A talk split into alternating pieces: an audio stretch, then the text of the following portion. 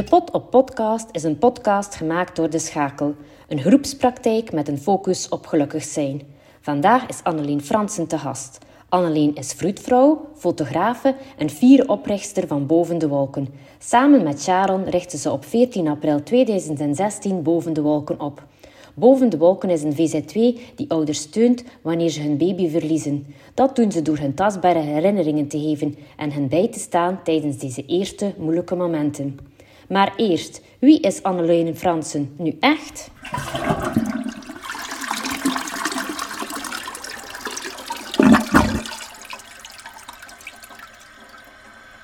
Dat is een goede vraag. um, ik ben denk ik eerst en vooral mama van twee uh, gezonde zonen. Mm -hmm. vroedvrouw in hart en nieren. En een van de oprichters van uh, Boven de Wolken. Mm Ja, oké.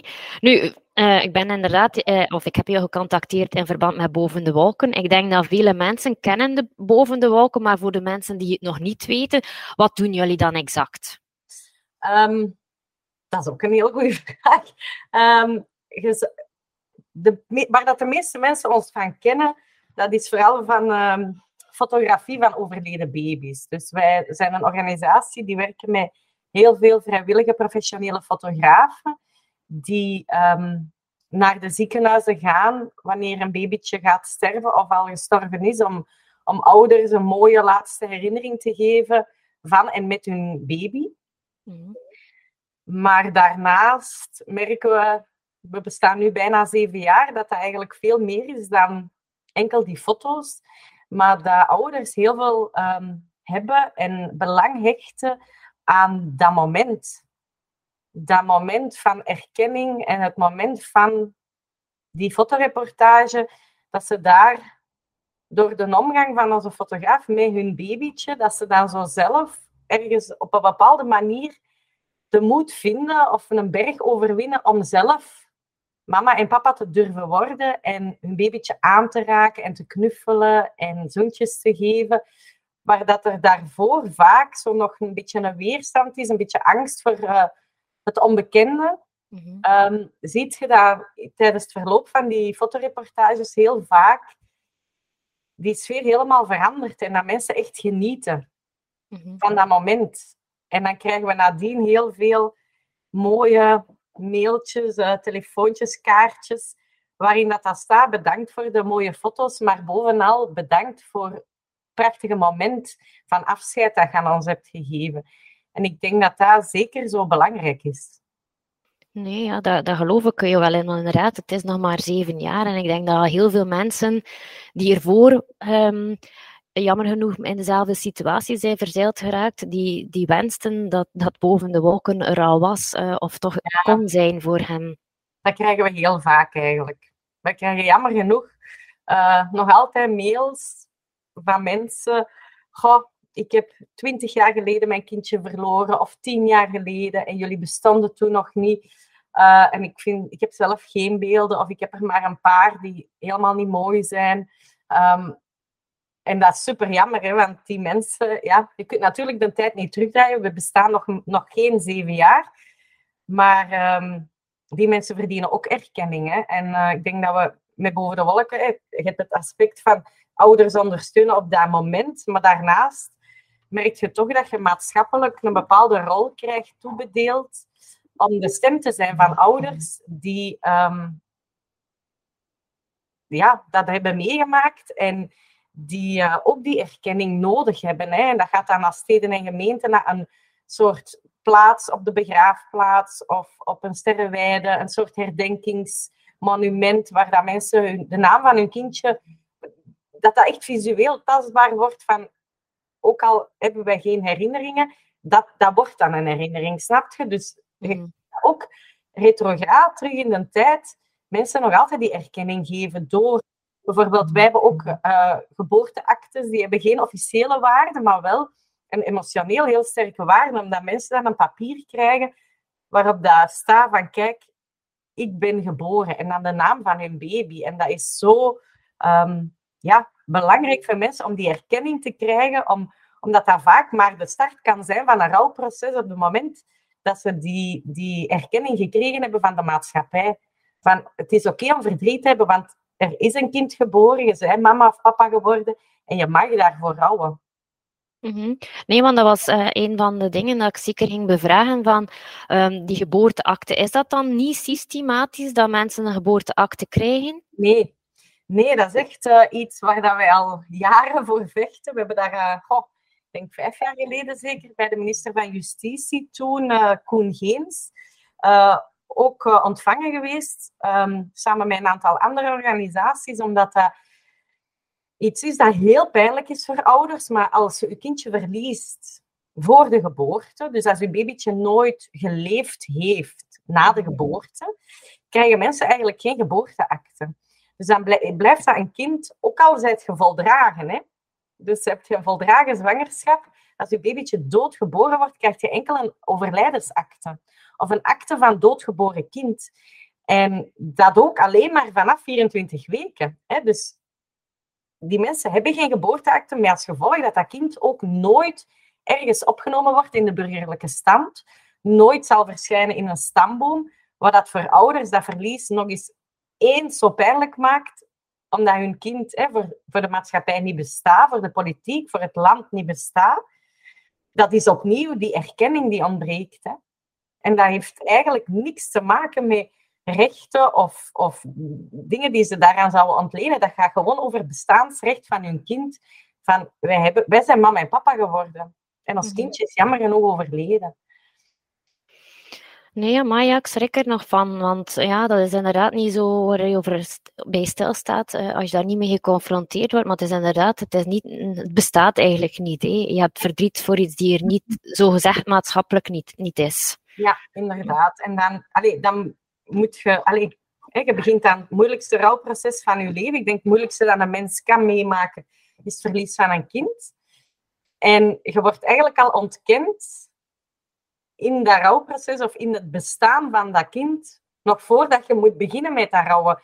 En dan, hoe, hoe start je daarmee en hoe geeft je jezelf dan die erkenning van het is oké om het heel moeilijk te hebben, om verdriet te hebben, om boos te zijn, om dat heel intens rouwproces aan te vatten. Dat is heel, heel moeilijk. Nee, nee, kan, kan er wel echt wel iets bij, bij komen. Nu, ik vroeg mij af, hebben jullie, zoals hij net zei, van ja, maatschappelijk hebben we die 24 weken. Hebben jullie zo een leeftijdsgrens waar je zegt van mensen mogen ons dan opbellen of, of dan kunnen ze beroep op ons doen? Nee, eigenlijk heel bewust niet. Uh, een van de redenen is wat ik net uitgelegd heb. Uh, wij hebben eigenlijk geen ondergrens. Uh, omdat ik ervan overtuigd ben, mijn, mijn, een van mijn woorden daarbij is Nivea, niet invullen voor een ander. Wie ben ik of wie zijn wij om te bepalen wanneer een babytje het waard is om verdriet voor te hebben? Als, als mensen een babytje verliezen aan 12 weken, doet dat dan minder pijn dan aan 14 weken?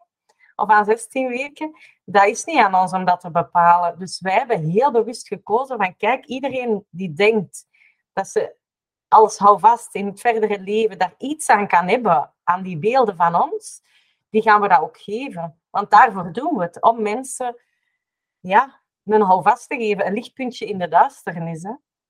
Nee, maar ik vind dat ontzettend mooi, inderdaad. Um, Um, nu, ik vroeg mij dan ook af, al, je hebt natuurlijk uh, mensen die bewust of onbewust ook moeten kiezen voor, voor abortus of voor inderdaad de zwangerschap niet te laten doorlopen. Zijn dat ook mensen die bij jullie een vraag mogen stellen? Ja, absoluut. Wij ook daar niet invullen voor het ander. Wij maken daar ook geen onderscheid, omdat het is, je zegt zelf, hè, mensen maken een keuze of hè, kiezen er bewust voor om een zwangerschap te onderbreken. Maar hoe hoeveel keuze heb je? Hè? Als je te horen krijgt aan 15, 16 weken, je kindje heeft geen grote hersenen.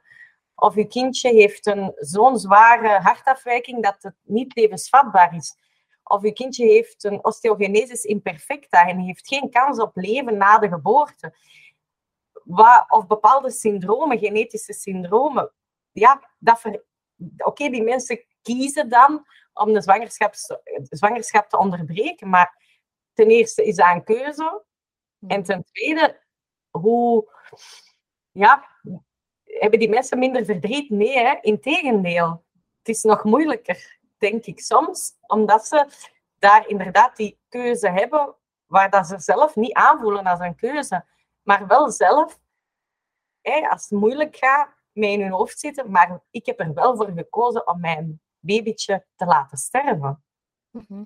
En dat maakt het nog moeilijker. Dat is nog een extra dimensie van, van, van, van moeilijk zijn in, in zo'n rouwproces. Dus nee, wij maken daar absoluut geen uh, onderscheid. Ik vind dat ook wel heel mooi dat dat, dat dat zo is, want uiteindelijk het is nog altijd ook wel een moeilijk thema, denk ik. Nu misschien niet van mensen die het meegemaakt hebben, maar ik voel wel dat zo een kind verliezen geen thema is die snel bespreekbaar is, of dat mensen zijn er schuw of bang voor. Ja, nog altijd. Hè. En denk dat er al heel veel veranderd is uh, sinds dat wij bestaan, maatschappelijk. Maar er is nog een hele, hele grote weg af te leggen. Ik denk dat de maatschappelijk nog altijd mensen weglopen van de dood in het algemeen. Mhm. En uh, rouw en verdriet. En dat we vooral ons proberen te focussen als maatschappij op alles wat goed gaat. Wat dat maakt dat iedereen maakt moeilijke dingen mee in zijn leven. En het is net op dat moment dat je juist die ondersteuning nodig hebt. En dan gaan wij als maatschappij een stap naar achter doen en zeggen, ja, maar daar gaan we nu niet, uh, niet mee bezig zijn. En ja, ik denk dat we juist het omgekeerde moeten doen. Hè. Nee, nee, zeker, ja. Um, wij hebben een extreem prematuur zoontje en ik had daar geen beelden van en niet dat ik dat moest hebben, maar ik denk wel dat dat ook opnieuw maakt dat mensen zich niet kunnen inleven hoe iets is als, je niet, als we er allemaal bang voor zijn en iedereen van afschermen. Nee, en dat maakt... Dat is ook een van de voordelen van die foto's. En daar ook mee... Wij komen zelf niet naar buiten met, met beelden. Hè. Tenzij de ouders bijvoorbeeld een blogverhaal maken en daar een foto bij willen plaatsen. Uh, maar anders gaan we bij ons zelden of nooit foto's zien. Omdat we vinden, wij nemen die beelden voor ouders. En zij doen ermee wat ze willen. Hè. We maken die voor hen, niet voor ons. En... Um, maar ik zie wel nu, wat dat vroeger onbestaande was, dat mensen er wel mee naar buiten komen. En dat meer en meer mensen in de maatschappij een beeld krijgen van, amai, een kindje van 20 weken is echt wel al een babytje. toen we bij minister Geens waren, hadden we ook heel bewust een aantal foto's afgedrukt mee. Allemaal van baby's die niet bestaan voor de wet. Om hem te laten zien van, jij spreekt van hey, miskraam, een vreselijk woord dat we niet meer willen gebruiken. Ik zeg maar, dit zijn al die baby's, allemaal voorbeelden van baby's die, die niet bestaan, maar die zijn wel heel reëel voor ouders. Hè? En dat is niet een hoopje cellen, hè? dat is een babytje. Hè? Dat is een klein babytje, maar dat is een babytje. En ja, ik vind dat belangrijk dat, dat mensen dat beginnen beseffen van, amai, goh, eigenlijk vanaf 12 weken is een babytje gevormd. En groeit het nog. Het ontwikkelt uiteraard nog een beetje voort, maar alles is aanwezig op 12 weken zwangerschap. En dat is gewoon een mini-mensje. Nee, nee, ja, ik kan je daar enkel bij bijtrainen. En dat is inderdaad goed dat jullie dat, ja, ik denk niet altijd, maar toch een beeld geven, al is het maar voor de, voor de ouders en, en, en voor de familieleden. Inderdaad, dat ze het, het zo zichtbaar kunnen houden en, en kunnen koesteren, want dat betekent heel veel, denk ik. Ja. Nu, jullie zijn, zoals hij net zei, een organisatie met vrijwilligers. Op hoeveel vrijwilligers uh, kunnen jullie rekenen momenteel? Oh, uh, veel, maar veel te weinig. ik denk dat we iets meer dan 300 vrijwilligers hebben. Um, een 240, 250 tal fotografen, maar dat gaat dan over heel België. Hè? Hmm. En, uh, en de rest zijn eigenlijk allemaal mensen die ons administratief helpen. Die, dus de wolkenwacht noemen wij dat. Dus die krijgen de oproepen binnen. Die zijn per 24 uur van wacht, per twee personen. Die krijgen de oproepen binnen en zoeken dan een fotograaf die zo snel mogelijk hè, naar de ouders kan gaan. Dus uh, moesten we dat, die vrijwilligers niet hebben, ja, zou boven de wolken niet bestaan. Hè. Maar we hebben er uiteraard nog ja, gewoon veel te weinig, omdat we ontzettend veel oproepen hebben. En, en is dat dan zo dagelijks een stuk of tien, of is dat nog veel meer? Of hoe moet ik dat uh, dan situeren? Wij vermoeden dit jaar ongeveer 1200 oproepen te doen. Dus dat zijn er ongeveer 100 per maand gemiddeld. Dus drie per dag gemiddeld, maar sommige dagen zijn dat er inderdaad 12 en dan een keer een dag geen. Dus ja. Ja, en als je dat dan goed en grondig wil doen, neemt dat wat tijd in beslag. Het is inderdaad zo. Mhm. Ja. Dus jullie zijn nog altijd op zoek naar extra vrijwilligers? Absoluut, absoluut. Zeker de regio rond uh, de grote centra, zoals Jette, Leuven, uh, het Antwerpse. Dat zijn universitaire ziekenhuizen, grote centra, waar daar toch, ja, daar komen wij bijna elke dag. Um, en de fotografen in die regio ja, zijn wel heel zwaar bevraagd. Hè? Mhm. Omdat er daar zoveel oproepen zijn. Dus zeker Gent, Antwerpen, Leuven, Brussel. Dat zijn uh, Genk ook, hè, Hasselt. Um, om, ja, waar dat we zeker nog mensen kunnen gebruiken. Oké, dus een warme oproep. Als je in die regio woont, uh, neem contact of kijk eens op de website voor wat hij kan betekenen. Nu, ik vroeg mij ook af, ja, dat zijn ook wel al, al, ja, mooie en, en verdrietige contexten. Heb je dan ook zo um, dat je zegt van wij, wij maken dat er ook psychologische ondersteuning is, of dat we preventief inzetten op dat uh, psychologisch stukje naar onze fotografen of onze vrijwilligers, als ze na zo'n shoot uh, ja. thuiskomen?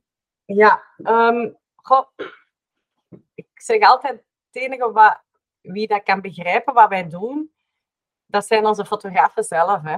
Dus er is maar, als, als je het moeilijk hebt na een shoot, kun je eigenlijk maar terecht bij een andere boven de wolken fotograaf die heel goed weet wat het is, wat wij doen en hoe intens het verdriet is waar dat je mee geconfronteerd wordt.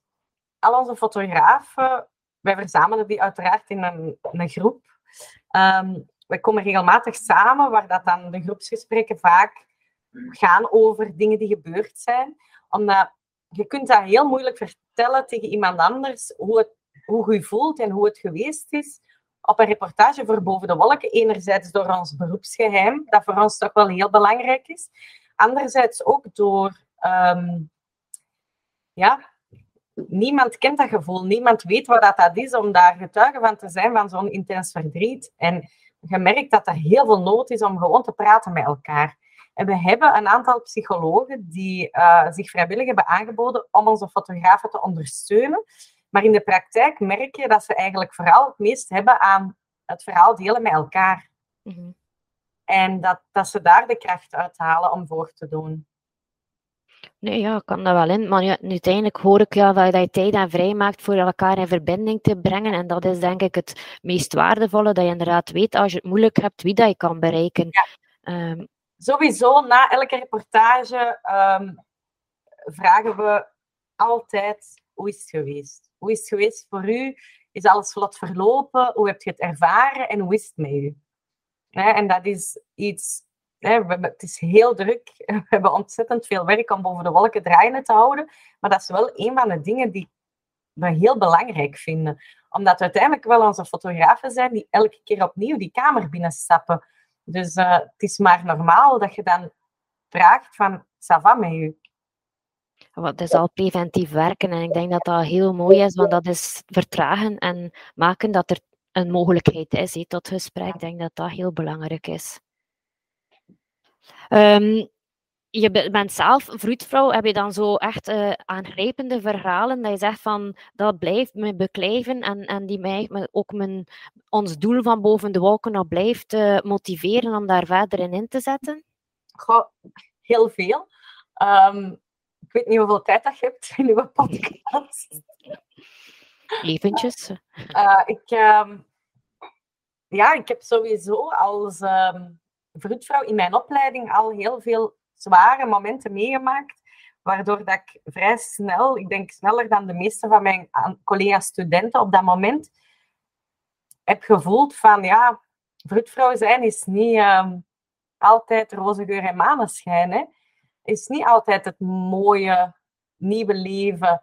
Uh, en als het dan fout gaat, worden ook geconfronteerd met het allerergste dat iemand kan meemaken, het verlies van uw kind. Dus dat is een heel mooi beroep, maar ook, kan ook heel zwaar zijn. En ik ben zo ja, in het vroedvrouw zijn gerold, uiteindelijk naar Oostende verhuisd om hier te werken in uh, het Terhuisziekenhuis in Oostende. Ehm, en daar ook, hè, zoals elke andere vroedvrouw, ik maakte een aantal keer mee per jaar dat dat ouders een babytje verliezen. En dat is gewoon heel moeilijk. En je hebt het gevoel dat je veel meer wilt doen om die mensen verder te helpen. Maar toen ik studeerde, twintig jaar geleden, had ik drie jaar opleiding vroedkunde. En van die drie jaar was er één uur, ehm, wat als het fout gaat. En van dat één uur was dat drie kwartier welke documenten moeten invullen. Wat is de wetgeving daarachter? En een kwartiertje, ja, je kunt een foto trekken, want misschien komen ouders daar ooit achter vragen. En een haarlokje, een afdrukje nemen, voilà. En dat was het. Hè? Dus dan word je in dat werkveld gegooid. En eigenlijk heb je als vroedvrouw heel weinig handvaten. En als arts denk ik nog minder, omdat er nog minder wordt bij stilgestaan in de opleiding. Om die ouders die superbelangrijke herinneringen te geven. Mhm. En met dan in Oostende te werken, ehm, heb ik eigenlijk op een bepaald moment, ook fotografie is een passie altijd geweest, had ik een nieuw toestel gekocht. En heb ik um, een bepaald moment, um, had ik dat mee naar de dienst. En kom, komt er een koppel uit Nieuwpoort bij ons binnen om te bevallen voldragen zwangerschap, een voldragen babytje. En die mama komt naar mij en zegt van, goh, um, ik voel Marilou niet meer bewegen. En dat is zo de moment, hè. je wilt dat als vroedvrouw niet meemaken, maar dat hoort gewoon bij de job. Dan moet je gaan zoeken naar harttonen. En dan zie je die ouders, hun gezicht, die paniek, die angst. En je vindt er geen. Je vindt geen harttonen. Dan moet een dokter komen om dan de diagnose te stellen van, ja, uw babytje is overleden, jammer genoeg. En dan ziet je die ouders instorten. Alles staat thuis klaar. Er zijn suikerbonnenkleertjes, een babykamer. En dan moet je die mensen vertellen, en nu moet je bevallen van een dode baby. En dat is op zich al super zwaar. En dan heb ik toen die mensen voorgesteld, omdat ik toevallig dus mijn toestel bij had, van goh, in plaats van foto's te nemen met fototoestelletje van de dienst, hè, dat waren ja, van die kleine digitale cameraatjes, die foto's van vroeger van de vroedvrouwen. Elke vroedvrouw die dit hoort, gaat weten wat ik bedoel. Dat zijn beelden die genomen werden, die meer medische foto's waren van babytjes naakt, soms in een nierbekken op zo'n groen steriel doekje, bebloed. Eigenlijk zijn dat geen liefdevolle foto's die je met trots aan iedereen kunt tonen. Maar dat was wel het enige dat je had. Dus die mensen zijn wel blij dat dat er tenminste dat is.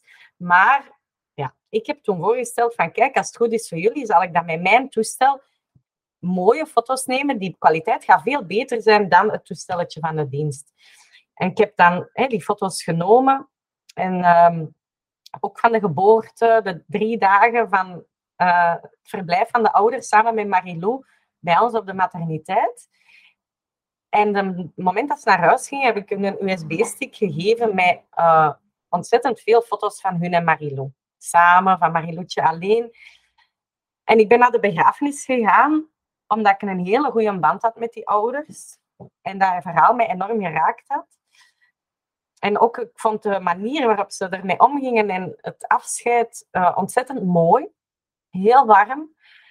Uh, dus ik wou daar naartoe. En um, op het moment van de begrafenis, hè, dat je zo... Iedereen staat in een rijtje, handjes schudden en passeert om te condoleren, zag ik dat zo... Die mensen keken door iedereen door, die waren niet aanwezig. En um, totdat ik aan de beurt was, en dan ging zo bij Anne-Sophie, de mama van Marilou, zo licht aan in haar ogen, ik kan dat niet anders omschrijven, en heeft ze mij vastgepakt en zei ze, goh, Anneleen, de enige reden dat ik hier vandaag kan staan, dat zijn uw foto's. Dat is mijn enige lichtpuntje, mijn enige alvast. En dan, ja, ik denk dat toen naar mijn stoel gestapt ben en besloten heb van vanaf nu moet iedereen dat hebben. Als dat zoveel kan betekenen en voor ons zo weinig moeite kost, hebben alle ouders daar recht op. Mhm. En uh, nog geen jaar later ben ik Sharon tegengekomen, die zelf haar dochtertje Nina verloren is. Uh, ook fotografen. We hebben elkaar ontmoet. En direct gevoeld van, daar zit hetzelfde passie en vuur achter. Van verdomme, we moeten veel meer doen voor ouders die een kind verliezen. En twee weken later is boven de wolken geboren. Ja. En sindsdien, ja, nog geen zeven jaar geleden, hebben wij 4700 babytjes gefotografeerd. Ja, het is, uh, Ja, ik ben denk ik van de, het eerste uur trouwe fan. Dus, uh, en je niet uh, vaak en gelukkig wel van de zijlijn, maar dat ik ook wel mensen al geadviseerd heb om, om jullie te contacteren op zo'n moment. Maar dat ik denk van, ja, dat zijn heel korte en kostbare momenten die niet mogen verloren gaan. Het is niet over nadenken, het is uh, in het nu, hier en nu doen en weten ja. dat het kan helpen op de, op de tocht die, die erna volgt. Ja, absoluut. Want het is wat hij zegt, hé, een geboorte of een vroedvouw, dat geven ze ook vaak aan gewonnen. Allee, de doorsnee mensen niet mee dat het fout kan gaan. En toch ja. loopt het eigenlijk heel vaak fout. Ik hou, hou ook niet van miskraam, maar hoeveel dat het wel voorkomt, maar hoe weinig dat er daar echt wel op emotionele manier over gesproken wordt. Vaak wordt het zeer biologisch aangepakt, waardoor dat de, ja, de verbinding naar de toekomstige mama of, of papa verloren gaat. En ja. ik denk dat, dat dat ook wel nog iets is die zeker moet verder aangepakt worden om te kunnen in dat verlies te stappen. Ja, inderdaad. Absoluut. Woordkeuze, heel belangrijk. Ja. Maar ja, nog veel werk. Ja, maar dat ook, denk ik ook, ja. Het is in beweging. Dat ja. is waar dat we heel dankbaar voor zijn. Dat denk ik ook. Allee, het is zeker niet... Allee, deed uh, daarnet nog mijn Facebook open en ik zag twee acties van, van ouders dat ik in begeleiding had voor jullie. En dan denk ik van, dat is wel fijn om, om te zien dat het ja. altijd wel ergens uh, nog iets ja. is, dat mensen inderdaad uh, een schouders onderzetten om, om, om iets voor jullie te betekenen. Nu, ik denk dat ik er bij aankom he, van al jullie hulp eh, is gratis. Um, maar hoe kunnen jullie dat allemaal kosteloos organiseren? Ik denk dat dat... Ja, het is kosteloos voor de ouders, maar ja. het is niet, natuurlijk niet kosteloos voor de VZW. Hè. En um, wij zijn nog altijd niet gesubsidieerd. Ik, ik, weet niet of dat we dat ooit gaan worden. Um, we kunnen voorlopig nog geen fiscale attesten geven. Dus eigenlijk alle giften die we krijgen, dat is omdat mensen dat echt willen geven. Omdat ze achter ons staan en omdat ze achter onze visie en missie staan van dit is belangrijk.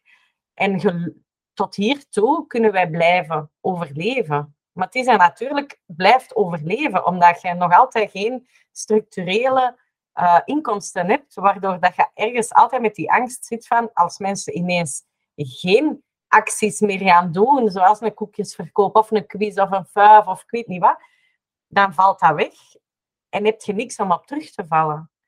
Um, dus ja, blijft belangrijk. Hè? En, en mensen denken van ja, maar ja, een koekjesverkoop, wat brengt dat op? 100 euro. Maar als 3000 mensen een koekjesverkoop organiseren, dan is dat veel geld. Hè? En zo kunnen wij dat wel blijven doen. Dus ja, het is een beetje samen, iedereen doet iets klein, maar heel veel kleintjes maken iets groot. Hè?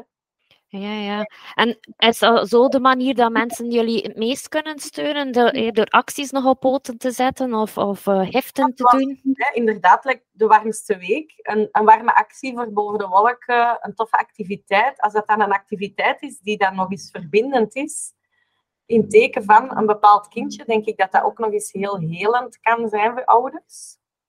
Omdat ze um, ja, het gevoel hebben van we doen dit voor en met ons kindje dat overleden is. Um, inderdaad, absoluut. En dan daarnaast bedrijven. Hè. Bedrijven die um, zeggen van kijk, wij willen mee onze schouders zetten, wij willen partner worden van Boven de Wolken, wij vinden dit waardevol en willen als bedrijf hiermee naar buiten komen van kijk, wij willen dit mee ondersteunen. Dat zijn dingen die voor ons heel belangrijk zijn. -hmm. Ik hoop uh, als de luisteraars het horen, wie zich aangesproken voelt, die er toch naar kijkt. Want ik vind, ik zou het zeker zonde vinden dat het niet meer kan, omdat ik denk, ja, je, je kan het maar inleven als je het meegemaakt hebt. Maar ik denk, ja, we hoeft het eigenlijk niet te kunnen inbeelden als je, dat we, om te weten dat het zo belangrijk is, denk ik.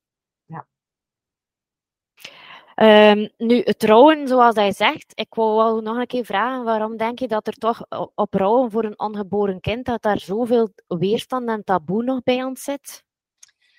Ik denk dat dat heel veel oorzaken heeft.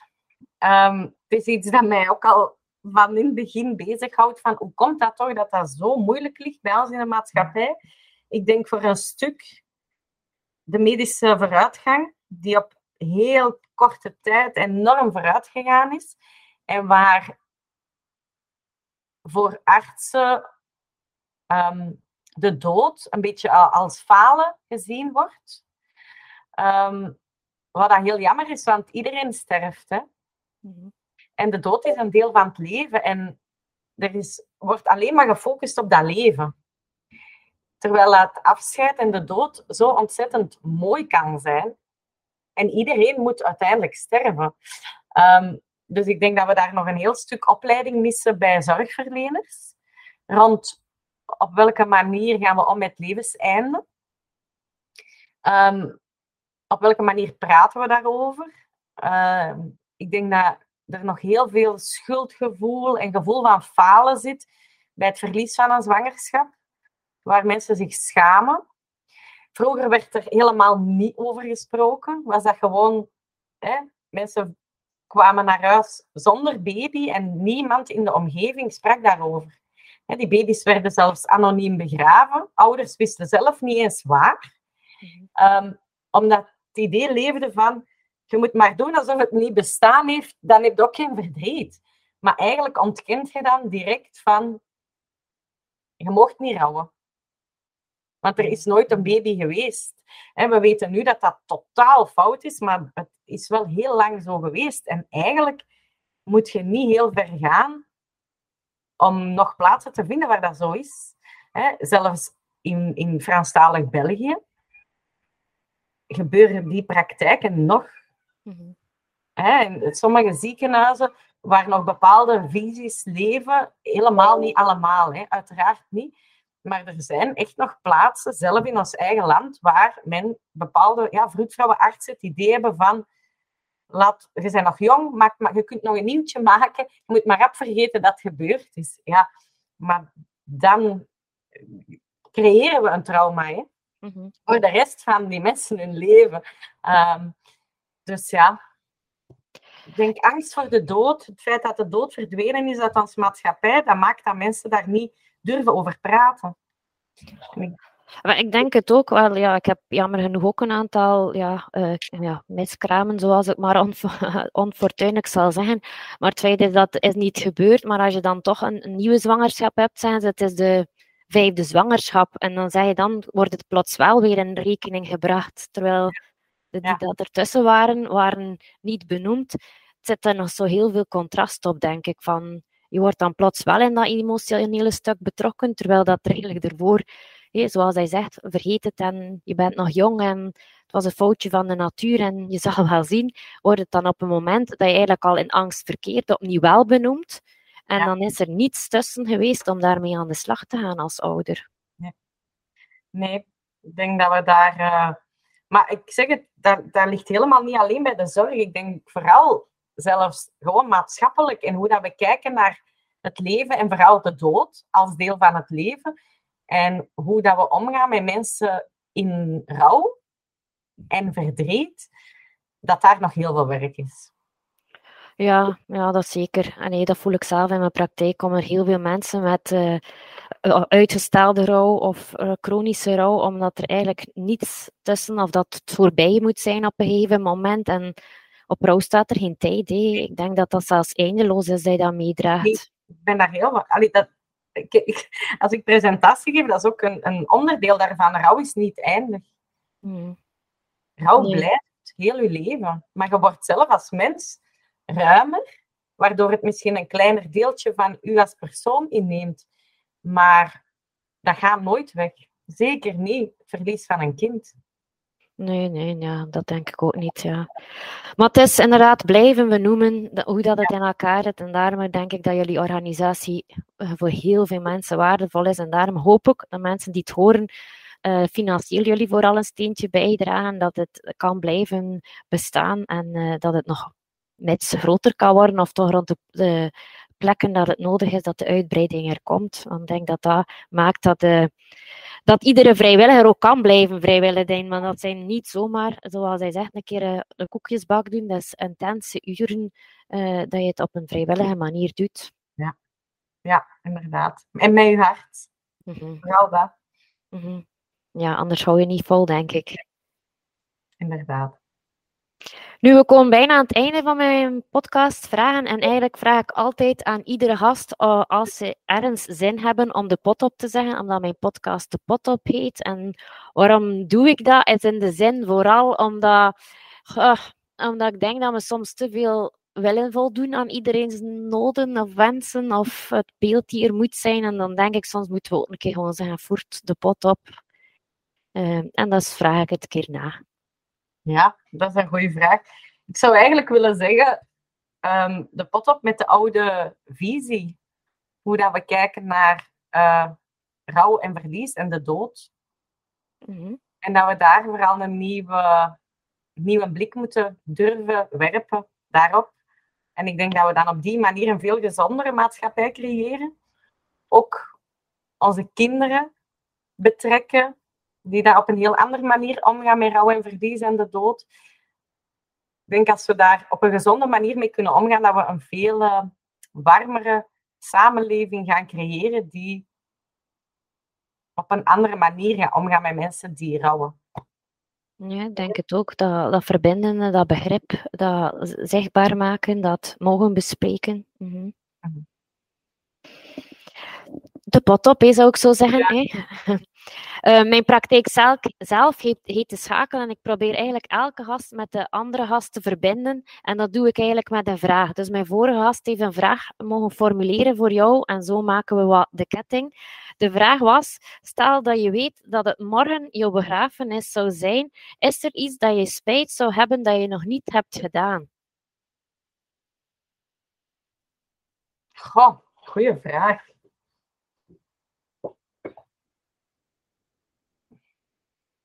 Ik heb nog een hele lange bucketlist voor op reis te gaan.